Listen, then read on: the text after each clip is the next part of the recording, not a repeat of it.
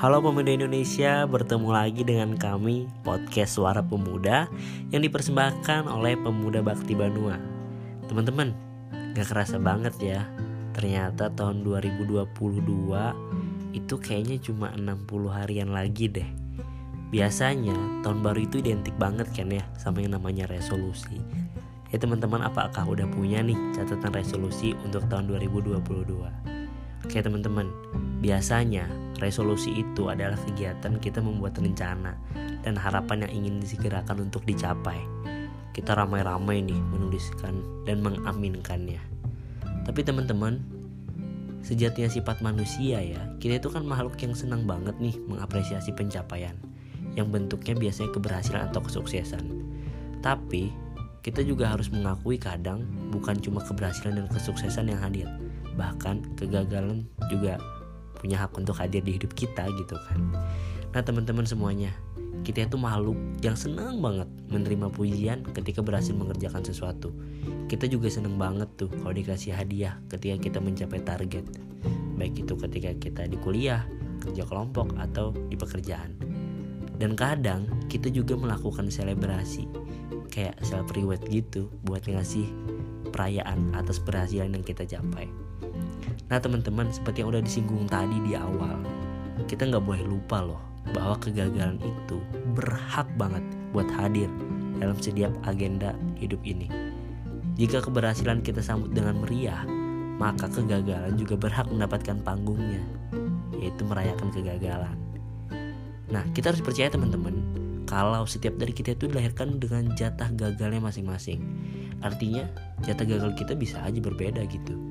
Kecuali kita udah dilahirin jadi anak sultan kali ya, kayak misalnya Rafathar, kayak gitu kan. Mungkin hidupnya udah enak, tapi jangan salah, bisa jadi dia punya jatah gagal versi dia masing-masing. Kayak teman-teman, yang pasti teman-teman tahu kan ya sama Thomas Alva Edison, ilmuwan yang terkenal banget uh, udah bikinin kita lampu. Bahkan dia sampai bilang kayak gini loh teman-teman. I have not failed 10,000 times. I have not failed once. I have succeeded in proving that those 10,000 ways will not work. When I have eliminated the ways that will not work I will find the way that will work.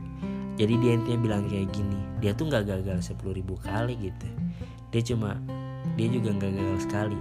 Dia justru sukses membuktikan bahwa 10.000 cara yang dia kerjakan itu tidak bisa bekerja kayak gitu teman-teman padahal banyak banget ya kegagalan yang udah dia lakuin terus teman-teman ada juga nih sebelum menjadi salah satu perusahaan paling bernilai bahkan Steve Jobs pendiri Apple tuh pernah dipecat loh dari perusahaan yang ia bangun sama kayak penulis Harry Potter juga, J.K. Rowling sempat ditolak banyak penerbit sebelum sampai hari ini menjadi salah satu buku terlaris sepanjang masa. Teman-teman bayangin, orang-orang yang sukses kayak gitu aja, mereka udah punya jatah gagal masing-masing. Lantas gimana sih cara kita menghabiskan jatah gagal? Nah teman-teman, caranya yang pertama itu ketika kita mendapatkan sebuah kesempatan, kita grabin, ambil. Yang kedua, ya ambil kesempatan lagi dan yang ketiga ambil kesempatan lagi karena ketika kita mengambil kesempatan kadang banyak loh dari kita itu yang takut banget untuk mencoba padahal kan takut itu hanya ada di kepala kita ya. Nah kali kita juga memikirkan kemungkinan gagal. Wah kayaknya aku gagal deh ujian kali ini. Wah kayaknya aku gagal deh kalau bangun bisnis. Padahal itu tuh cuma ada di kepala kita. Belum kita coba sama sekali. Nah teman-teman jika kesempatan adalah salah satu agenda untuk mengetahui seberapa banyak jatah gagal kita, maka satu-satunya jalan untuk mengetahui itu adalah sering-sering mengambil kesempatan. Kegagalan itu adalah bagian pelajaran hidup yang tidak ada satupun orang mampu menghindarinya. Kita harus yakin bahwa kegagalan adalah bagian dari experience, bagian dari pengalaman, dan itu nggak bisa diuangkan. Itu ada pelajaran yang mahal. Tapi lagi-lagi teman-teman, menghabiskan jatah gagal itu juga perlu pertimbangan. Pertama, kita harus mengambil kesempatan dan mulai dengan sesuatu yang possible untuk dilakukan. Artinya, kita sadar diri, kita tahu diri, dan kita melihat potensi kita apa. Yang kedua, kita tentu harus terus haus akan ilmu dan terus merasa bodoh. Nah, mumpung masih muda nih, sudah waktunya ambil bagian untuk lebih banyak mencicipi rasa gagal. Katakanlah hmm, beresolusi itu penting ya dan lebih bermakna jika kita menerima bahwa kegagalan akan hadir tanpa aba-aba, bahkan tanpa izin. Jadi teman-teman semuanya, selamat menghabiskan jatah gagal.